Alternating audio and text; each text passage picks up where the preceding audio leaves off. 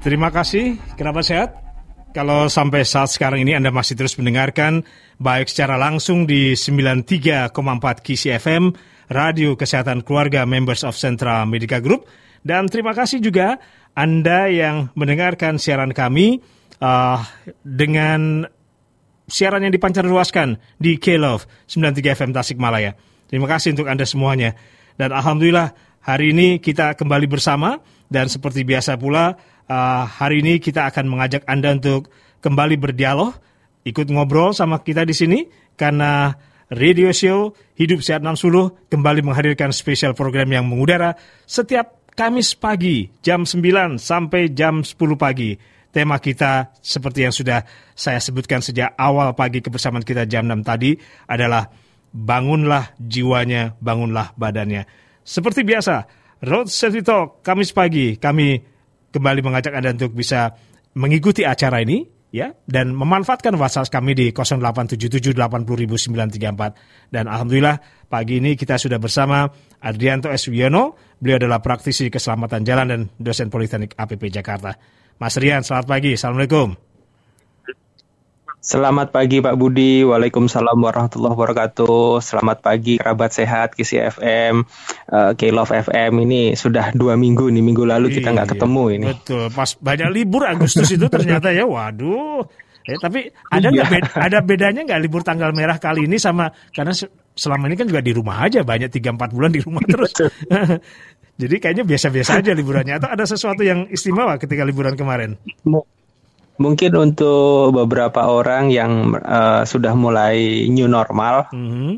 jadi agak terasa liburnya karena kan sudah ada aktivitas, kemudian ada tanggal merah sehingga sudah mulai terasa. Tapi bagi yang seperti saya ini yang nyaris 80% waktunya di rumah ya. Mm-hmm. ya enggak sampai lupa tanggal. Eh ini hari apa ya? Eh tiba-tiba sudah Kamis sudah eh sudah Rebo sudah ditodong Pak Budi. Siaran buat besok apa nih materinya iya iya iya iya.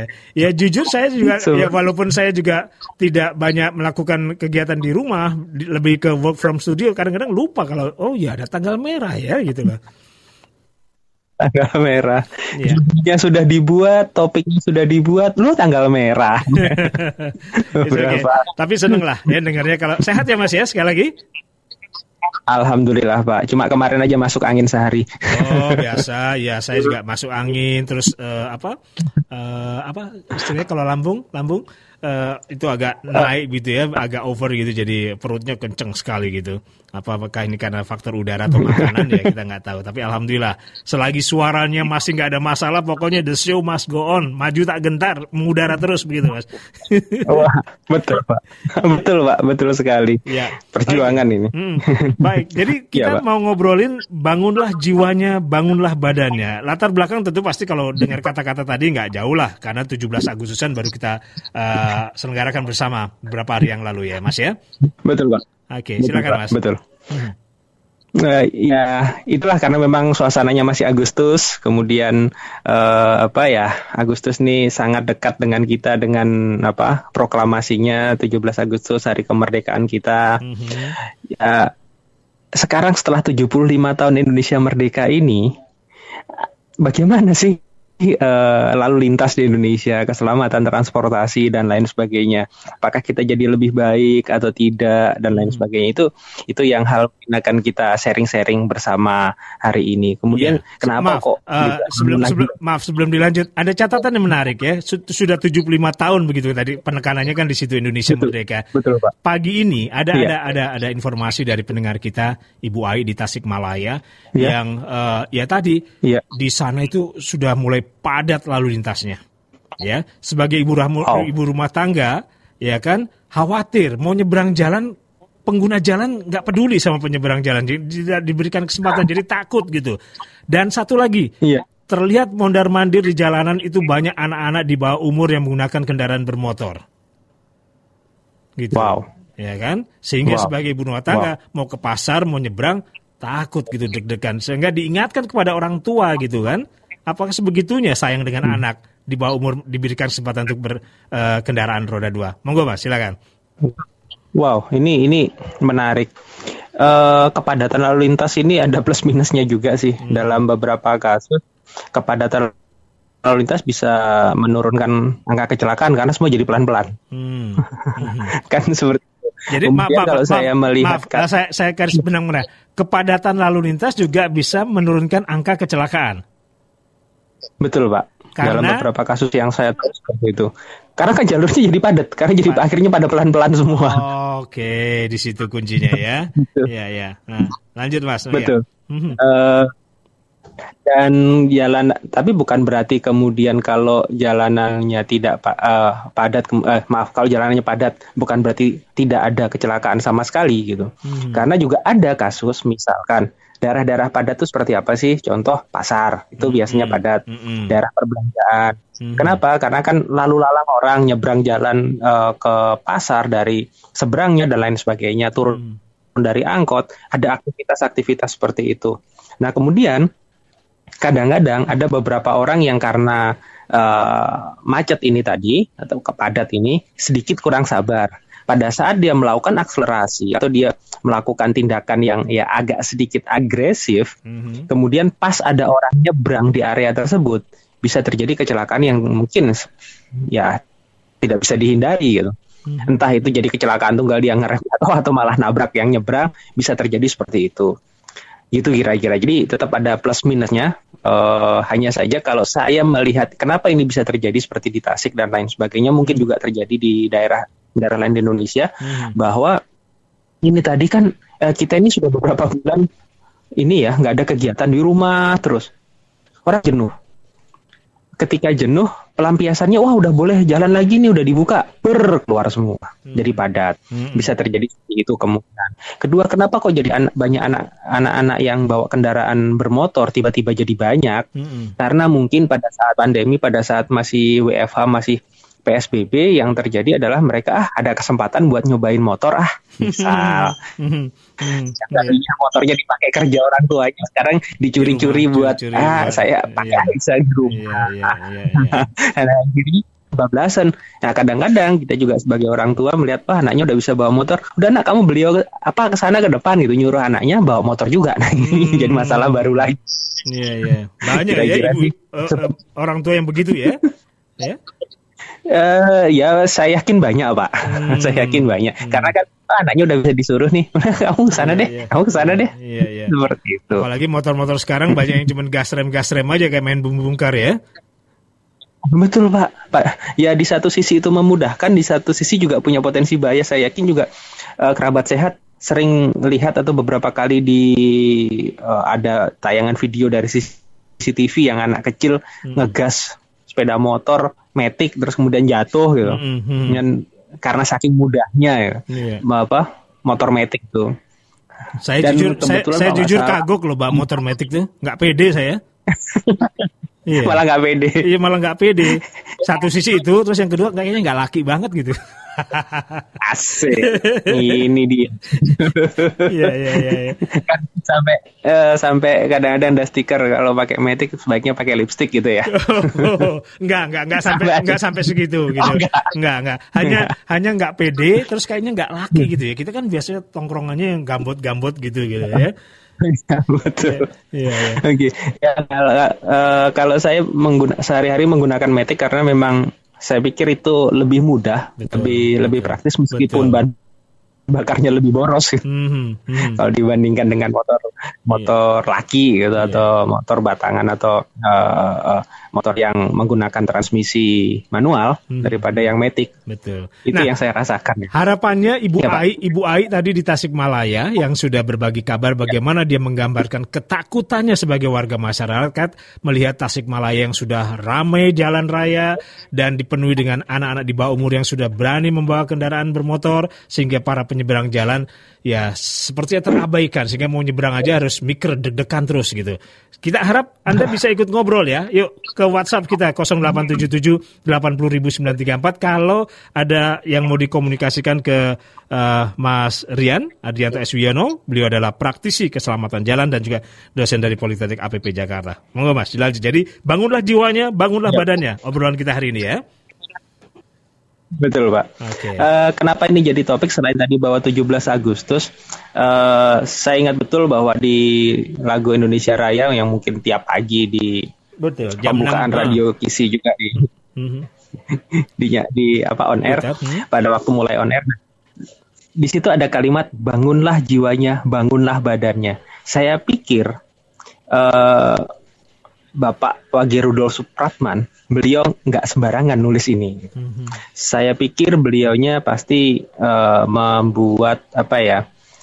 Kenapa? Pasti ada alasannya. Mm-hmm. Nah, kemungkinan besar alasannya adalah karena memang sebelum membangun badannya, yang lebih utama adalah membangun jiwanya terlebih dahulu. Sebelum dari, membangun dari badannya, dalam, ya, sebelum membangun badannya harus membangun jiwanya dulu jiwanya terlebih dahulu. Hmm. Nah, dalam konteks ini, kalau dalam keselamatan jalan akan seperti apa? Bagaimana sih membangun jiwanya terlebih dahulu, hmm. baru membangun badannya? Hmm. Konteks di sini kita kalau kita uh, kita buat klasifikasi lah kita atau kita samakan persepsi tentang hmm. apa jiwa dan apa badan. Hmm. Uh, badannya adalah satu negara Indonesia dari Sabang sampai Merauke. Itu badan ya? Dari Sangir sampai Ya, ini badannya karena kan kita akan yang akan kita bahas adalah keselamatan jalan uh, di Indonesia. Berarti badannya adalah dari Sabang sampai Merauke. Jiwanya siapa yang bisa melakukan ini, yang bisa menggerakkan ini, bisa membangun badan ini? Ya dari jiwanya. Jiwanya yang mana? Masyarakat-masyarakat Indonesia ini sendiri. Dari Indonesia saya. Barat, Jadi, ya dari Banda Aceh sampai ke Indonesia Timur Merauke, hmm. sampai ke Rote dan uh, Miangas ya.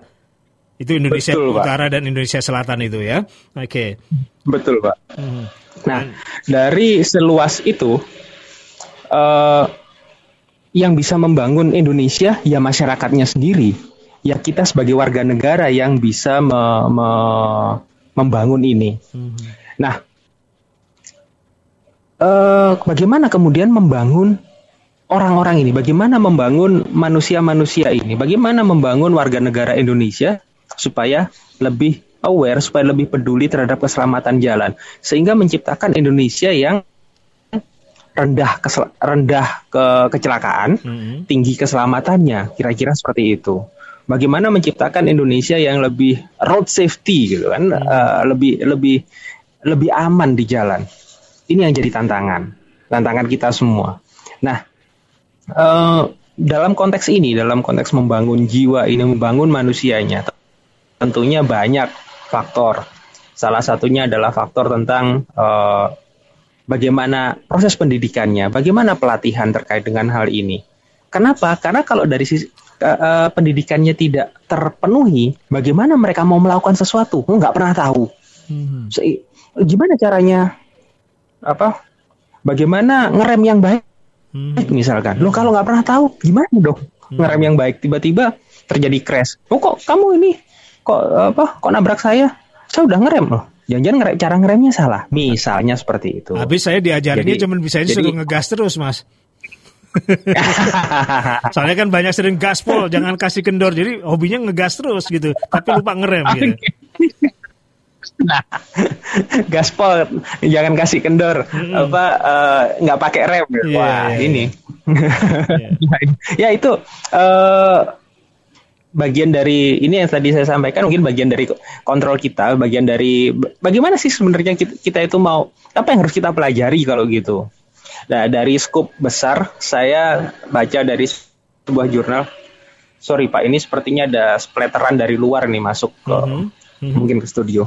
It's okay. Uh, mm -hmm. It's okay, baik. Uh, begini. Jadi saya baca dari sebuah jurnal uh, dari HTK tahun 2002 kalau nggak salah 2004 2002. Nah di situ ada yang namanya GDE matrix. Apa itu GDE matrix? GDE, GDE matrix itu ya? singkatan. Ya? Hmm. Betul pak. GDE matrix itu adalah sebuah tabel yang ditujukan untuk mengetahui sebenarnya kita tuh kalau mau belajar mengarah kepada road safety yang kita pelajari itu arahnya dari mana saja sih? Mm-hmm. Ini salah satu pandangan dari beberapa ahli. Mungkin ahli yang lain akan berbicara dari sudut pandang yang berbeda. Mm-hmm. Tapi hal ini hari ini saya pikir ini menarik untuk kita angkat karena banyak digunakan di Eropa sih mm-hmm. pola ini. Nah, apakah nanti cocok dengan di Indonesia atau tidak? Kita nggak tahu karena memang mungkin perlu penelitian lebih lanjut. Mm-hmm. Jadi matrix. Jadi matrix tentang apa?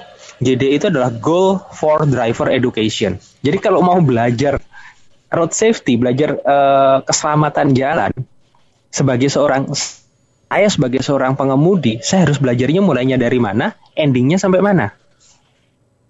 Gitu kira-kira. Saya ulangi Itu sedikit. yang mungkin G- akan G- GDE tadi go ya. For driver education. Oke, go for driver education itu singkatan dari GDE ya. Ya, Baik. jadi tujuan eh, driver itu punya tujuannya apa sih? Kenapa dia harus mengemudi? Itu eh, kemudian belajarnya mulainya dari mana gitu? Kalau belajar mengemudi itu mulainya dari mana? Mm-mm. Endingnya apa? Hmm. Sebenarnya gitu kan kita kita kan nggak pernah pak eh, belajar hal-hal seperti ini. Pokoknya bisa ngegas, bisa ngerem, selesai. Hmm, hmm. Nah, tapi ini kan tapi ya, bukannya akan- bukannya sekolah-sekolah mengemudi sudah mulai banyak terlihat di jalanan. betul pak. Nah ini kan ada di level yang terendah dari GDE tadi. Hmm. sebetulnya poinnya. Di jadi ini ada empat tahapan. Tahapan yang paling bawah adalah vehicle control. Jadi bagaimana kita mengendalikan kendaraan? Itulah yang ada di sekolah-sekolah mengemudi. Di sekolah-sekolah mengemudi kita Bagaimana kita kita, belajar bagaimana mengendalikan, ngegas. mengendalikan ken- kendaraan ya? Oke. Bagaimana? Betul, Pak. Mhm. Itu hal yang paling mendasar.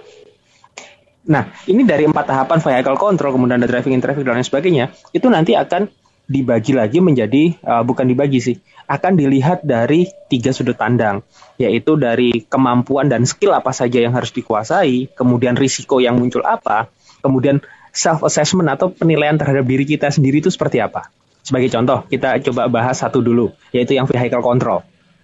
Tapi gini Mas, ya, control. gini Mas, supaya pendengar Iya, Pak. kita supaya pendengar kita tujuannya kan kita mau mensampaikan persepsi dulu gitu ya. Sebelum kita masuk ke tahapan-tahapan mengenai GDE matrix tadi, saya mau lebih dipertegas Iya. lagi mengenai eh, klasifikasi jiwa dan badan tadi. Kita awali lagi dari situ Mas, supaya pendengar kita memahami ini. Oke. Haha.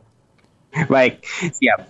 Kita kita ulangi supaya kita sama persepsinya sebenarnya Betul. apa apa yang dimaksud dengan badan dan jiwa Hmm. dalam konteks percakapan kita talk show kita hari ini. Betul. Mungkin uh, dari kamus besar bahasa Indonesia akan berarti yang lain, dari sudut pandang yang lain juga artinya akan lain, tapi Hmm. paling tidak dalam batasan kira-kira 60 menit ke depan, 40 sampai 60 menit ke depan Hmm. kita gunakan uh, pemahaman berikut kira-kira seperti itu. Hmm. Jadi pemahamannya kita samakan persepsinya bahwa kalau kita mau berbicara uh, road safety, berbicara tentang Indonesia, road safety dan Indonesia dari Sabang sampai Merauke, maka yang akan jadi badan untuk pelaksanaan road safety ini adalah negara kita yang ada dari Sabang sampai Merauke, Mhm. bukan hanya dari Tanah Abang sampai Muara Angke, terlalu kecil, dari dari Sabang sampai Merauke, Hmm. seperti itu. Hmm. Jadi seluas itu.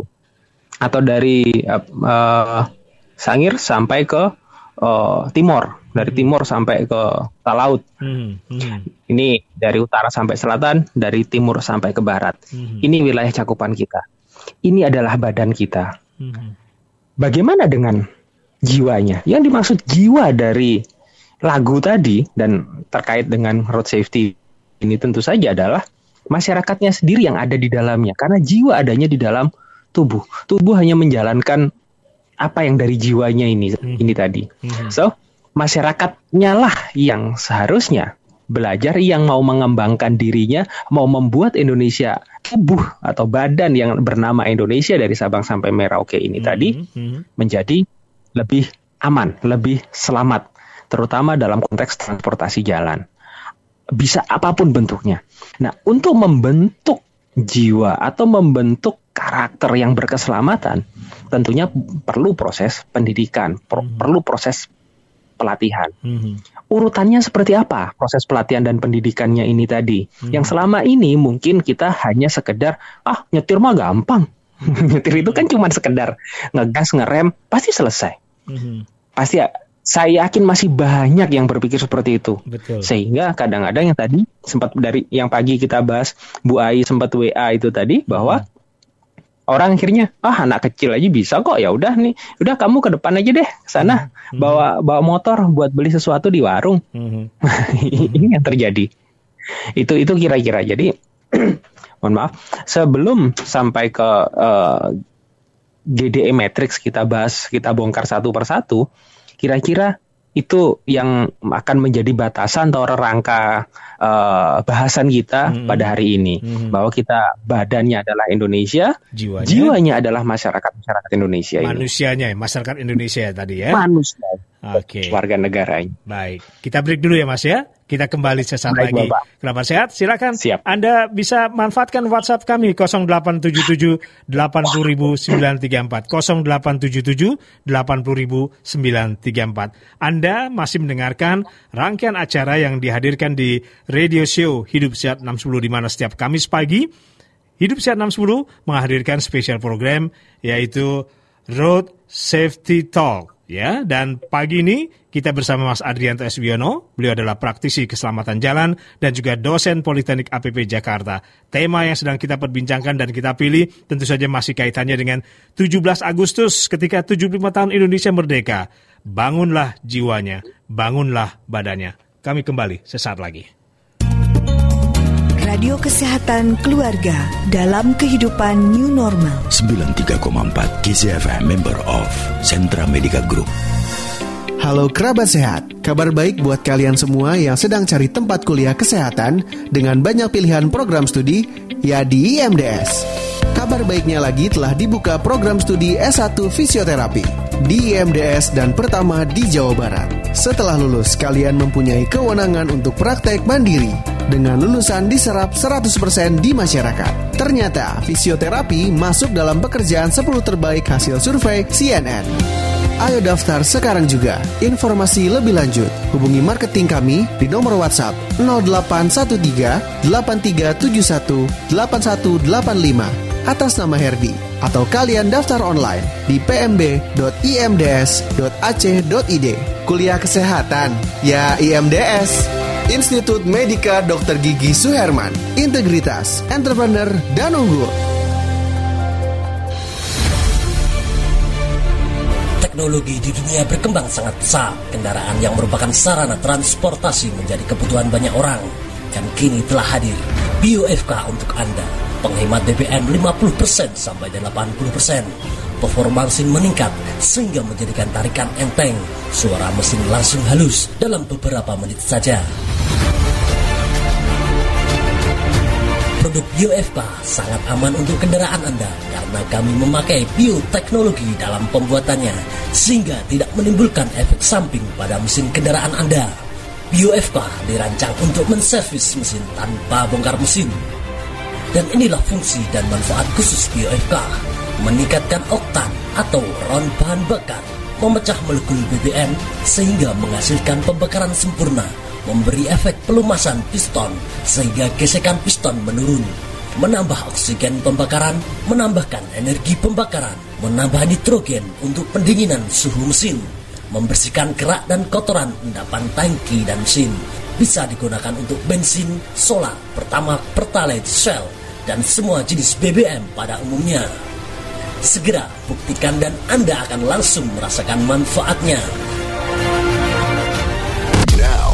Hidup Sehat 610 93,4 DCFM Radio Kesehatan Keluarga Baik Mas Rian kita lanjutkan lagi ya obrolan kita hari ini uh, Sambil diingatkan kepada Anda kerabat sehat yang tengah mendengarkan acara kami Anda tengah mengikuti spesial program yang kami hadirkan setiap uh, Kamis pagi. Ini rangkaian dari Hidup Sehat 610 di mana kita selalu menghadirkan Kamis pagi jam 9 sampai jam 10 nanti adalah uh, Road Safety Talk bersama praktisi keselamatan jalan dan dosen Politeknik APP Jakarta ada Mas Rian Adrianto Eswiono. Tema kita hari ini adalah uh, bangunlah jiwanya, bangunlah badannya. Mas Rian, sepertinya ada WhatsApp yang perlu saya bacakan hari ini, ya. Wah, boleh Pak. Oke, Waalaikumsalam. Mudah-mudahan jangan lupa ya nama, nama, nama, nama, nama, ya. Nama dulu di mana Anda berada dan apa pesan-pesan yang mau Anda sampaikan. Oke, Pak Sony dari Padang Sidempuan di bawah sekali nih, ya. Oke, saya bacakan dulu ya, Mas Rian dari Pak Sony. Baik, Pak. Waalaikumsalam warahmatullahi wabarakatuh, Bapak. Selamat pagi, sehat selalu. Transportasi jalan raya ini sangat pesat kemajuannya menunjukkan bahwa negara kita semakin maju. Namun, di balik itu hendaknya jiwa pengguna transportasi hendaknya juga maju dengan peduli dengan keselamatan berlalu lintas dalam penggunaan alat transportasi. Bagaimana jika dimulai dari pihak yang berwajib menyangkut penegakan disiplin lalu lintas, mewajibkan kepada dealer kendaraan setiap calon pembeli kendaraan bermotor wajib menunjukkan SIM yang masih berlaku saat membeli kendaraan. Penegak hukum tegas dalam melakukan penegakan aturan sanksi lalu lintas di jalan raya yang harus ditilang karena jelas ada pelanggaran yang harus ditilang. Supaya ada efek jerah pengguna kendaraan yang melakukan pelanggaran lalu lintas. Dalam membentuk jiwa yang bisa tertib dimulai dengan satu, dipaksa untuk melaksanakan tertib, sehingga terpaksa dalam melaksanakannya. Karena sudah terpaksa, maka akan menjadi biasa dalam melaksanakannya. Kalau sudah biasa, maka akan menjadi budaya tertib. Demikian, terima kasih Pak Sony Padang Sedimpuan. Seperti halnya pakai masker kali ya, dipaksa gitu Mas ya. Iya, iya. Akhirnya jadi dulu kita lihat orang pakai masker aneh gitu ya. Sekarang lihat orang nggak pakai masker malah itu yang kebalik. Sekarang yang jadi aneh. Yang gitu. jadi aneh. Iya, iya. Pak Sony Padang Sedimpuan, terima kasih ya untuk WhatsApp-nya. Senang dengan suara Anda, uh, WhatsApp Anda sudah masuk pagi hari ini. Saya lanjut dulu ya Mas ya. Uh, satu lagi. Enggak, Pak. Uh, menjelang selamat pagi menjelang siang nih Mas Budi dan tamu semuanya. Wah, tamunya hanya satu dan di rumah tamunya karena work from home. Ada Mas Rian. Betul Mas Budi, seperti Bu Ai, saya ini sudah lansia. Kebetulan rumah di pinggir jalan. Anak kecil bawa motor, mengerikan sekali. Diangkat ban depannya. Angkotnya kenceng. Wah. Ibu takut, ya. Kamp, uh, ibu takut tapi mau nyebrang aja susah nih. Ibu minta tolong sama yang ada di jalan, susah ngasih taunya. Sebelum COVID-19 nggak begitu tuh anak-anak pada naik motornya karena nggak masuk sekolah barangkali jadi kesel nih ya. Oke, uh, jadi itu aja uh, ibu jadi harus selalu hati-hati di jalan raya. Salam sehat buat semuanya. Semoga kita selamat semua di jalan raya. Bangunlah jiwanya, bangunlah badannya. Salam sehat 60. Terima kasih. Monggo, Mas Rian. Baik. Wah, akhirnya dengar lagi Pak Sony ini sudah iya. beberapa kali pernah. Pak Sony sehat Dan ya. Untungnya ini sehat ya Pak Sony itu doa kita bersama ya. Kangen dengan uh, pesan-pesan dari Anda di WhatsApp kita. Oke, lanjut Mas. Iya, ini Pak Sony alhamdulillah le lebih awal jadi kita ngobrolnya nggak nggak tergesa-gesa gitu ya. Iya. Iya. Hmm.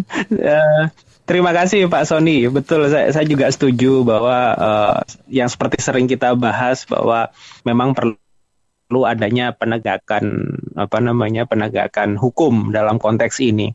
Ma kadang-kadang kan itu bagian apa hal yang di luar wewenang kita gitu. Yang yang ap, jadi kemudian apa yang bisa kita lakukan? Paling kita startnya dari diri kita sendiri, diri kita dulu. Sebagai masyarakat ya.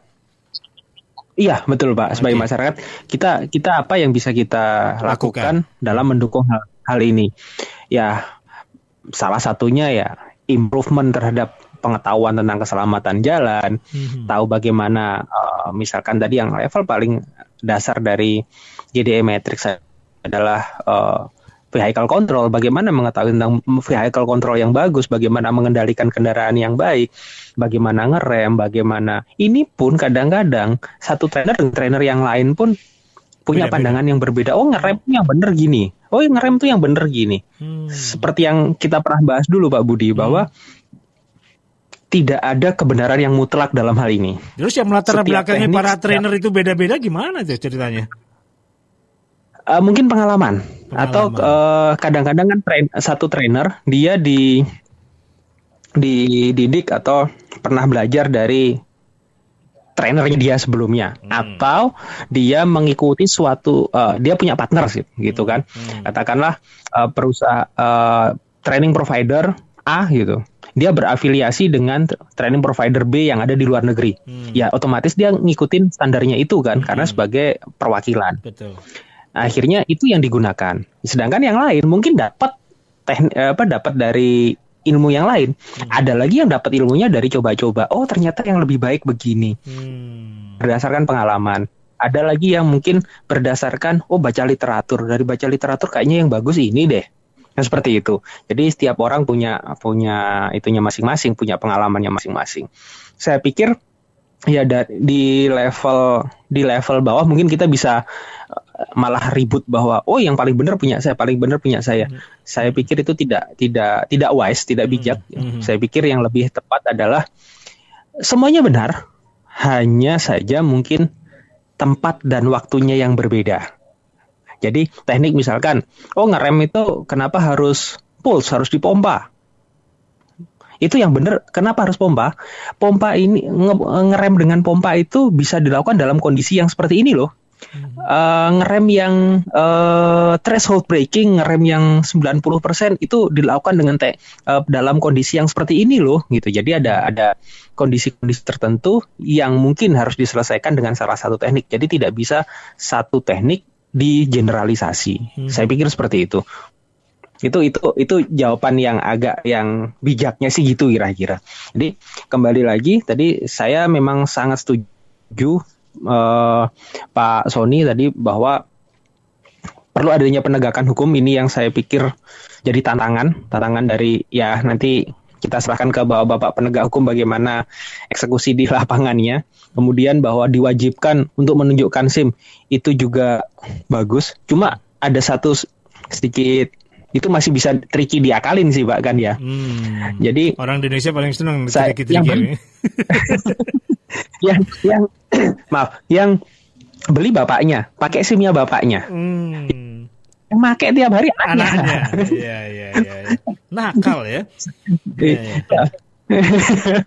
perlu dijewer ya, ya, ya, ya. nah ya, akan akan ada tricky seperti itu jadi memang agak apa ya memang agak agak jadi tantangan buat buat kondisi kita di di Indonesia ini Se, itu itu langkah yang bagus hanya saja saya nggak tahu apakah ada ada bagaimana mengurangi trikinya mungkin orang tua terhadap anaknya dalam membelikan sepeda motor memberikan sepeda motor itu tadi itu ya mungkin dari kerabat sehat yang lain punya ide hmm. yang lain juga gitu untuk hmm.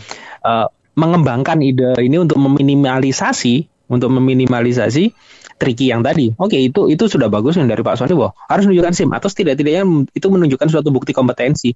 Nah, bukti kompetensinya ini untuk meminimalisasi bahwa terjadi uh, akal-akalan ini seperti apa? Itu saya pikir yang hal yang yang, yang penting. Seperti itu kira-kira Pak. Baik. Mas Rian, ada Ibu Anton di Cilebut lewat telepon. Kita terima ya. Ah. Oke, selamat pagi oh, Ibu okay, Anton. Baik. Halo, selamat pagi Mas Rian, Mas Budi. Ibu sehat? Sehat, selamat sehat selalu. Ibu Anton. Mas Rian juga sehat ya Mas? Udah Alhamdulillah. Iya. Alhamdulillah. Iya. Boleh kan gabung pakai telepon ya? Nggak apa-apa kan? Boleh, boleh, iya. boleh. Silakan. boleh, Bu. lebih enak kayaknya kalau dengar suaranya langsung ya. Oh gitu ya. Iya. iya. Monggo, silakan Bu. Iya, Mas Rian. Kita udah 75 ya, tahun merdeka ya. Uh -uh. 75 tahun merdeka. Kayaknya kedisiplinan masyarakat ini bukannya makin baik tapi makin berkurang ya bukannya di jalan. Kalau kita pikir 75 tahun itu kan sudah matang ya, kayaknya aduh kayaknya ya kalau ya Betul. memang umur, umur saya sih belum 75, tapi kalau melihat-melihat ya anak-anak sekarang itu kalau membawa motor, betul kata Ibu yang dari mana tadi Tasik, Tasik ya. dari mana. Hmm. Hmm. Iya, sama sama yang saya alamin. Walaupun di komplek pun begitu. Tapi selama libur ini atau bagaimana, anak-anak kecil baru kelas 3, kakinya pun belum nyampe hmm. itu sudah bertiga bertiga kalau pakai motor bayangkan kadang-kadang kita dikatakan ini oma nih oma-oma ini bawel katanya hmm. begitu kalau kita dibelokkan ya hmm. tapi kita bagaimana rasanya miris banget ya harusnya ya sebagai orang tua walaupun biar gimana apalagi kita udah 75 tahun merdeka ya bangunlah pemuda-pemudi gitu. Hmm, begitu kan. Uh, harusnya ya kedisiplinan atau apa ya kebersamaan. Nah, ini ini aja kebetulan di kompleks saya tadinya begitu kami, tapi begitu ada dengar kemarin di RW kami ada covid terjadi agak sepi, jadi nggak kayak anak-anak kemarin naik motor sembarangan. Hmm. sampai kita mau nyebrang aja pas mau keluar dari komplek itu takut susah saking ramenya. Motor tuh kayak laler sekarang. Kendaraan tuh kayak laler. betul, betul. Hmm, Aduh, kita tuh pusing Mas Rian. Aduh gimana? Ya istilahnya alhamdulillah cucu saya tidak begitu bisa dikasih tahu. Hmm. Ya ya, uh, ya bagaimana ya Mas Rian? 75 tahun kok bukannya makin yeah. Bu, Bu, Bu, Bu, iya. Bu, kiatnya, kiatnya kenapa cucunya bisa memahami pesan uh, uh, dari omanya? Uh, omanya? Iya, dia sendiri juga nggak oma karena saya belum punya SIM. Kalau saya saya belum saya takut dengan peraturan itu. Itu kalau saya kamu kan belum punya SIM kalau ada apa-apa, dia nggak berani. Walaupun cuma ayah dia ini aja. Kalau belum punya SIM dia belum berani membawa keluar dari komplek atau keluar dari rumah. Hmm. Walaupun dia mobil bisa, motor hmm. bisa, itu dia. Okay. Sayang sama omanya tuh, omanya selalu khawatir. Iya, iya, iya, iya. Iya. Oke, baik. Itu aja ya Mas Budi Adrian ya. Mudah-mudahan kita ada perubahan sudah 75 tahun ini ya. Baik. Gimana caranya orang-orang tua sekarang membiarkan anaknya bebas dengan kendaraan seliwar-seliwar kayak laler. Iya, iya, iya. baik Bu Anton, terima kasih. Selamat pagi. Ya, Bu Anton di Cilebut. Mas, saya baca WhatsApp lagi ya. Uh, Baik, Pak. Ada Pak Rojali, hidup sehat 610 oh, di Taman Kenari Jagorawi. Sharing nih ke Mas Rian ya, Mas Budi. Siap. Oke, silakan. Memang saya hadirkan Mas Rian ini bukan buat ngobrol sama saya berdua aja, buat Anda semuanya. Ayo ikutan ngobrol di sini ya, biar rame suaranya. Oke, tolong dong kasih pengetahuan yeah. secara global saja buat kita semua. Seperti etika yeah. berkendara di jalan raya prinsip road safety okay. yang harus diterapkan. Kasih tips okay. mencegah kecelakaan di jalan raya. Oke, silakan. Baik. Tapi sebelum Baik. menjawab sebelum menjawab apa yang Pak Rojali, ada yang terlewat nggak dari Pak uh, Sony tadi, terus ada Ibu Selamat. Ani di Tapos gitu ya, sudah curhat juga. Mm-hmm. Monggo Mas, silakan. Uh, Bu Ani yang belum saya tanggapi tadi Pak, mm-hmm. mohon izin. Jadi uh, Bu Ani saya saya saya pikir ini kayaknya kejadiannya sama nih di di Tasik kemudian mungkin di Tapos dengan hmm. Bu Anton tadi juga begitu ya. selesai WFH langsung hmm. kayak semuanya gitu ya? kayak laler karena merasa awalnya adalah jalanannya kosong. Hmm. Ini saya pikir ya uh, menarik untuk dilihat lebih lanjut dampak dampak setelah PSBB. Hmm. Apakah kecelakaan jadi meningkat? Kalau yang kemarin waktu uh, kita di uh, sempat bahas bahwa di Indonesia pada saat PSBB-nya terjadi uh, di Indonesia kita kita anggap bahwa tidak tidak terjadi kecelakaan atau kecelakaan menurun karena sepinya kendaraan. Tapi setelah itu seperti apa? Hmm. Yang tadi uh, karena kan tadi yang namanya sesuatu ditekan bahwa nggak boleh ke mana-mana begitu ada kebebasan, boom Hmm.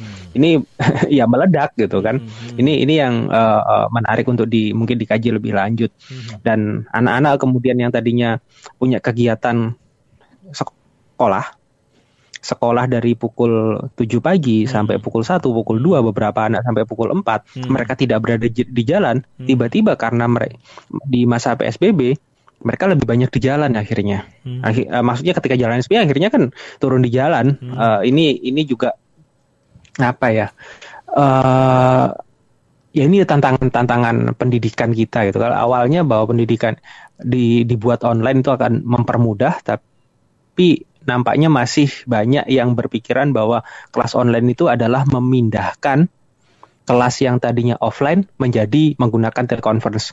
Mm-hmm. Uh, ini ini yang jadi tantangan baru bahwa sebenarnya kan harapannya bukan seperti itu anak atau siapa pun merdeka belajar itu artinya kita boleh memilih sumber belajar dari mana, hmm. belajarnya seperti apa, hmm. bukan kok kemudian memindahkan yang tadinya dari kelas ke rumah hanya dipindahkan saja, kemudian akhirnya yang terjadi anak tetap bosan. Orang-orang kita juga jadi bosan, orang tua yang di rumah malah stres mikirin anaknya gimana. Hmm. Ketika kembali kondisinya WFH, eh, apa WFH-nya uh, new normal, hmm. yang terjadi adalah oh para orang tua ini hmm, apa ya sudah mulai ngantor anak-anaknya kan enggak betul nggak ada lagi yang yang mengawasi. apa kontrol mohon maaf hmm. yang mengawasi sehingga ada mungkin eh, banyak hal-hal tersebut terjadi anak bawa motor seliwer seliwer yang agak mengerikan tadi adalah karena orang tuanya sudah tidak tidak melakukan kontrol lagi karena orang tuanya udah pada mulai kerja lagi. Mm -hmm. Seperti itu sih. Nah, uh, saya lanjutkan tadi dengan uh, contoh yang dari Bu Bu Andi, Andi di Tapos. Apa uh, Bu Anton di Cilebut? Bu Ani sudah. Uh, Bu, Bu Anton, hmm. Bu Anton di Cilebut. Yang Bu Anton tadi kan Pak Budi sempat tanyakan apa kiatnya gitu kan. Uh.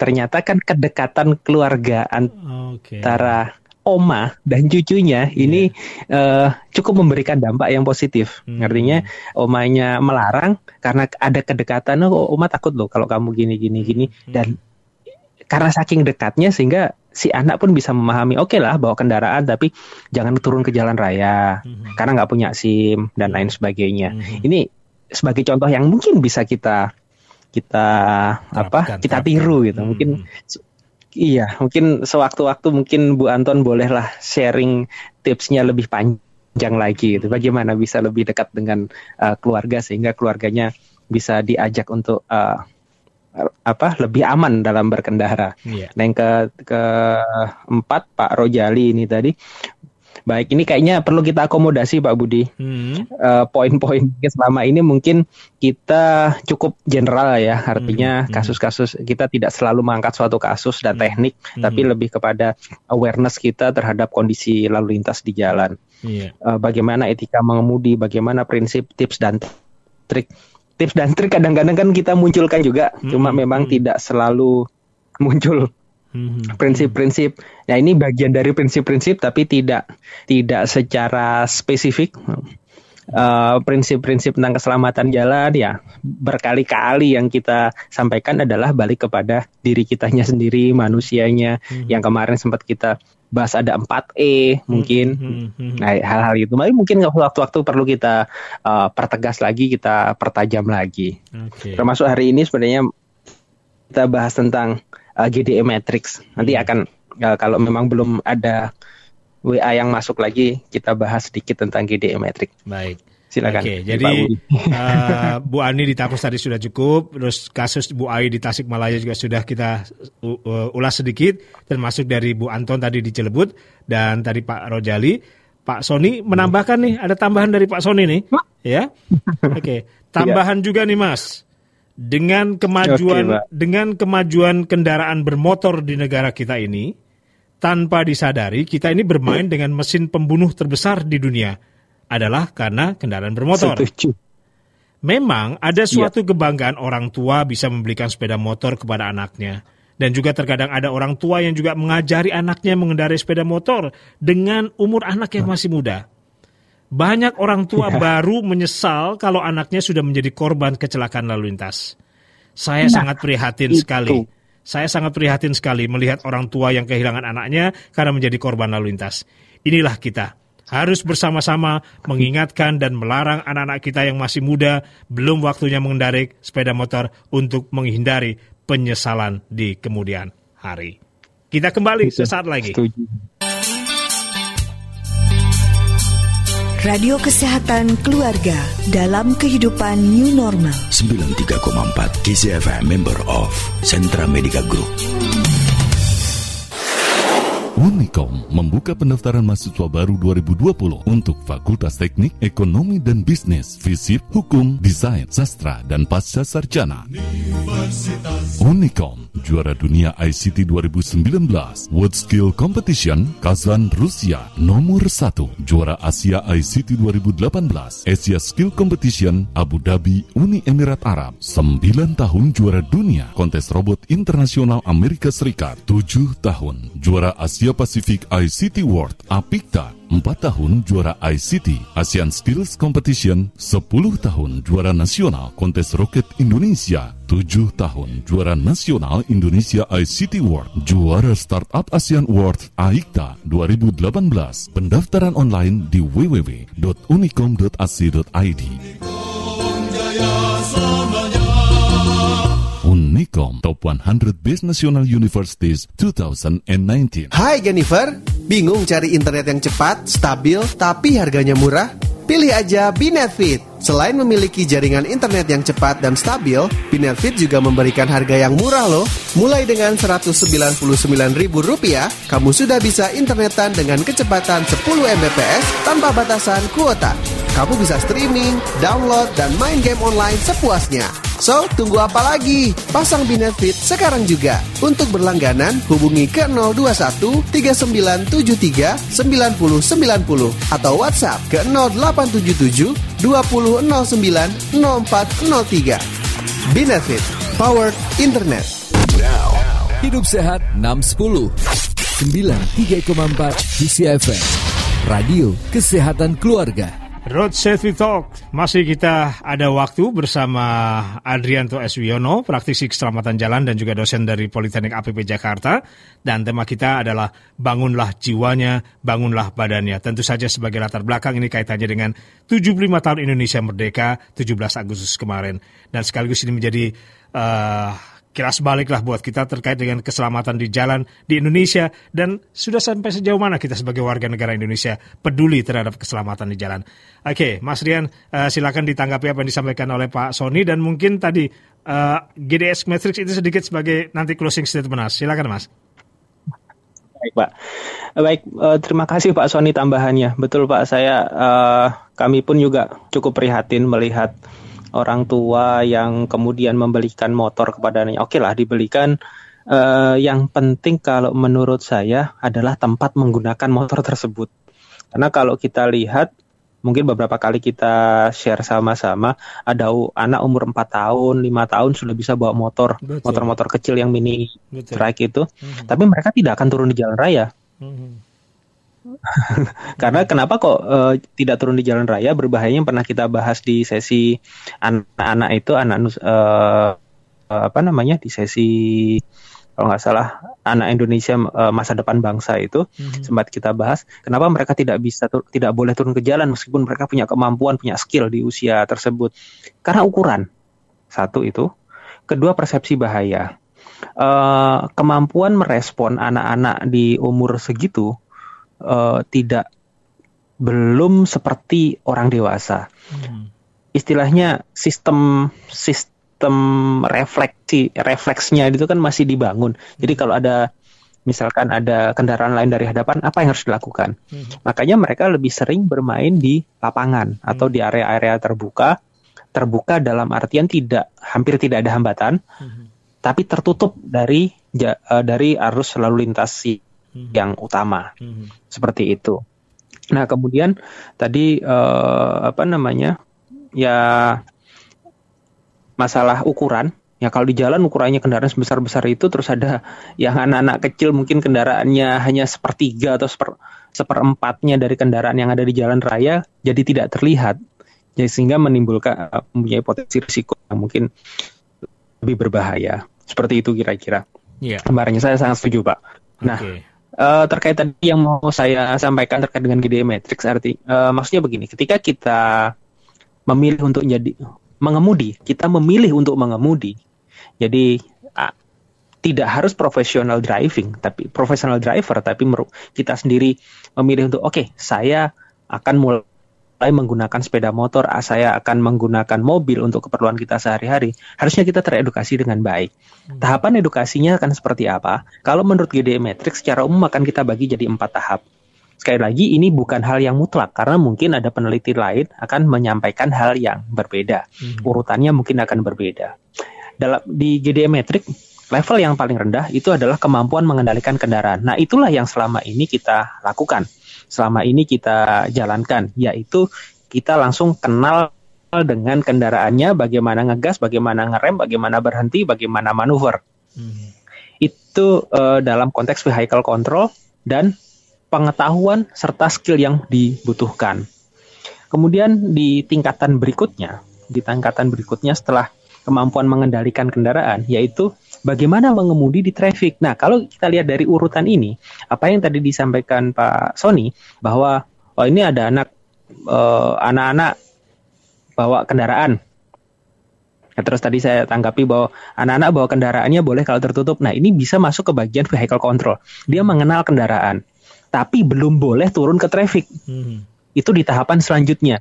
Kapan? Biasanya ketika fisiknya sudah mampu untuk uh, terlihatlah gampangnya terlihat oleh pengguna jalan lain pada saat di jalan raya. Itu drive, uh, driving di jalan raya. Apa yang diperlukan? Kemampuan apa yang diperlukan di situ adalah mengetahui tentang aturan lalu lintas. Hmm. Kemudian uh, persepsi bahaya yang tadi sempat saya singgung, anak kecil kemungkinan persepsi bahayanya masih di bawah uh, orang orang dewasa. Hmm. Menganalisis suatu risiko, menganalisis suatu dampak itu anak-anak mungkin belum belum mampu lah. Hmm.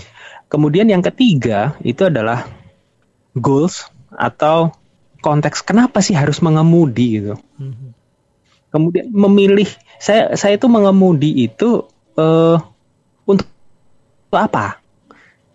Kalau saya mengemudi adalah bertujuannya adalah dari rumah ke sekolah atau dari rumah ke kantor, apa saja yang harus saya tahu? Hmm. Misalkan hal yang harus kita tahu ataupun uh, kita kuasai adalah uh, jam berapa kita berangkat, kondisi traffic jam segitu seperti apa, hmm. rute terpendek atau teraman atau yang terselamat, tercepat itu seperti apa, mau milih mana di antara yang tercepat, terselamat atau terapapun gitu. Hmm. Nah itu bagian dari tujuan dalam konteks dalam mengemudi. Dan yang keempat, yang ketiga, yang keempat. paling tinggi hmm. konteksnya adalah keempat ini uh, driving for life atau lifestyle mengemudi itu menjadi sebuah lifestyle. Tapi lifestyle yang seperti apa? Lifestyle yang kita harus tahu bahwa lingkungan kita dalam mengemudi ini mendukung kita untuk selamat nggak? Hmm. Jangan-jangan lingkungan kita ini nggak mendukung kita untuk selamat. Kita tahu, oh meng, uh, mengemudi di Indonesia itu begini. Kalau saya sekarang jalan-jalan, katakanlah ke India, begitu saya sampai India, apakah saya langsung berani nyetir? Ya enggak lah. Ini dalam konteks mm -hmm. life skill nah itu, Pak. Mhm. Kadang-kadang ada orang yang over PD kan, Betul. bahwa oh saya bisa kok nyetir. Berarti sampai India pun ya kan sama aja, nggak mm -hmm. bisa. Kita harus kuasai dulu kondisi di India itu seperti apa, Betul. kultur masyarakatnya seperti apa. Uh, orang-orang kalau di di traffic light di persimpangan ketemu lampu kuning seperti apa. Mm -hmm. Di kita mungkin biasanya kalau lihat lampu merah, eh, lampu kuning itu bukan siap-siap untuk berhenti, tapi siap-siap untuk gas misalnya. Iya, kayak di sirkuit ya, sudah satu, terbiasa dua, tiga gitu ya. di sirkuit. Iya, iya, iya. iya menganggap bahwa uh, jalanan itu adalah sebuah sirkuit. Nah, ini kultur yang seperti ini harus kita tahu. Jangankan kalau sampai India, kita misalkan dari dari Jakarta ke Surabaya, mm -hmm. ke Medan, mm -hmm. itu pasti kulturnya berbeda. Beda, beda, iya. Saya ketika datang sampai Medan suruh udah Pak nyetir aja hmm. deh saya lihat dulu hmm. kondisinya saya nggak berani kan saya nggak tahu mereka orang-orang di sekitar sana cara ngambil celahnya seperti apa Betul. ngambil celah untuk uh, berbelok dan sebagainya seperti apa nah seperti itu kira-kira pak itu bagian dari uh, urutan dari GDM Matrix satu dua saya tidak detailkan karena memang ya? waktunya tidak hmm, hmm. oke okay. ya seperti okay. itu ini Baik. masih terkait dengan risiko dengan assessment tadi baik ya.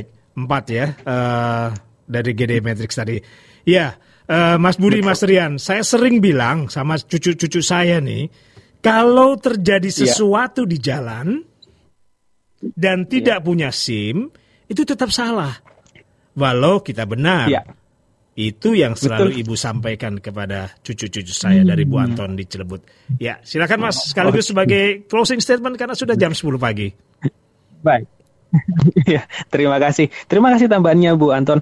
Nampaknya hal ini juga perlu diaplikasikan kepada siapa pun. Uh, artinya konteks awalnya adalah benar atau salah. Hmm. Kalau kamu melakukan ini dalam kondisi dan nggak punya SIM, meskipun benar, kamu akan tetap salah. Hmm. Akan tetap salah. Akan oh ya orang akan berusaha memproteksi diri supaya tidak tidak berbuat salah. Itu hal salah satu tips yang menarik. Mungkin Pak Rojali itu salah satu tips dari Bu Anton bisa kita gunakan. Hmm. Baik. Uh, kerabat sehat Pak Budi dan kerabat sehat Kisi FM uh, eh, dan Kelov FM. Sampai juga kita di sesi akhir mungkin closingnya kira-kira begini bahwa meskipun kita sudah 75 tahun Indonesia itu merdeka, kecelakaan lalu lintas tetap adalah hal yang uh, top hal yang masih tertinggi dalam merenggut uh, korban jiwa dibandingkan bencana-bencana yang lain. Hanya saja hal ini tidak mud apa boleh saya bilang kurang uh, awareness kita terhadap hal ini masih belum tinggi. Terbukti bahwa kecelakaan lalu lintas masih tetap tinggi. Nah, untuk menyelesaikan hal ini mungkin yang bisa kita lakukan ya kita tidak bisa berharap pada orang lain. Hal yang paling mungkin bisa kita lakukan adalah kita melakukan dari diri kita sendiri dan mulainya kapan adalah mulainya sekarang. Tentunya karena ini tidak mungkin kita uh, bisa langsung jadi expert atau kita bisa memenuhi keempat GDE Matrix tadi dalam waktu singkat. Demikian Pak Budi. Baik. Terima kasih. Salam sehat, salam semangat. Para K-Lovers, K-Love FM, Tasikmalaya, terima kasih. Ada Pak Sony Padang Sidempuan, ada Rau FM di sana. Oke, terima kasih juga buat Anda. Kisi FM, terima kasih 93,4 yang mendengarkan siaran kami dan Anda yang download aplikasi Kisi FM di Play Store. Terima kasih. Mas Dian, terima kasih ya. Sampai ketemu minggu depan. Sama-sama Pak. Sehat-sehat. Terima kasih. Adrianto Eswiono, praktisi Amin. keselamatan jalan, dosen Politeknik APP Jakarta, dan saya Budi Sunarso menutup rangkaian radio show Hidup Sehat 610 sampai di sini. Tetap sehat, tetap semangat.